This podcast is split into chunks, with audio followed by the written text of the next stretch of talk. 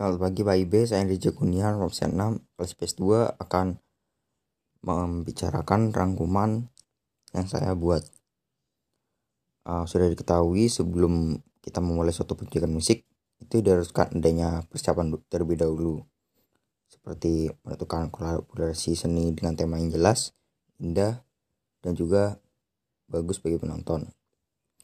Kira-kira ada waktu jarak waktu tertentu misalnya 3 sampai beberapa bulan sebelum pertunjukan saat tema disepakati kita menyeleksi permainan musik atau lagu-lagu dan instrumen yang akan digunakan dalam pertunjukan.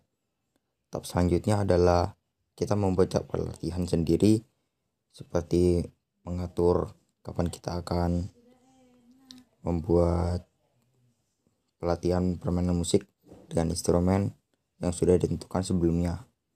Tahap selanjutnya yaitu dengan merancang kostum dan properti yang akan digunakan oleh seluruh kelompok agar terlihat seiras dan uh, memberikan suatu kesan bagi penonton. Kostum tersebut sebabnya disesuaikan dengan tema yang akan ditunjukkan kepada penonton. Selalu setelah itu membuat keputusan tentang latar belakang dan properti panggung yang sesuai dengan tema yang telah ditentukan. Setelah sudah ditentukan dan disepakati oleh anggota, kita akan membuat data dan properti panggung.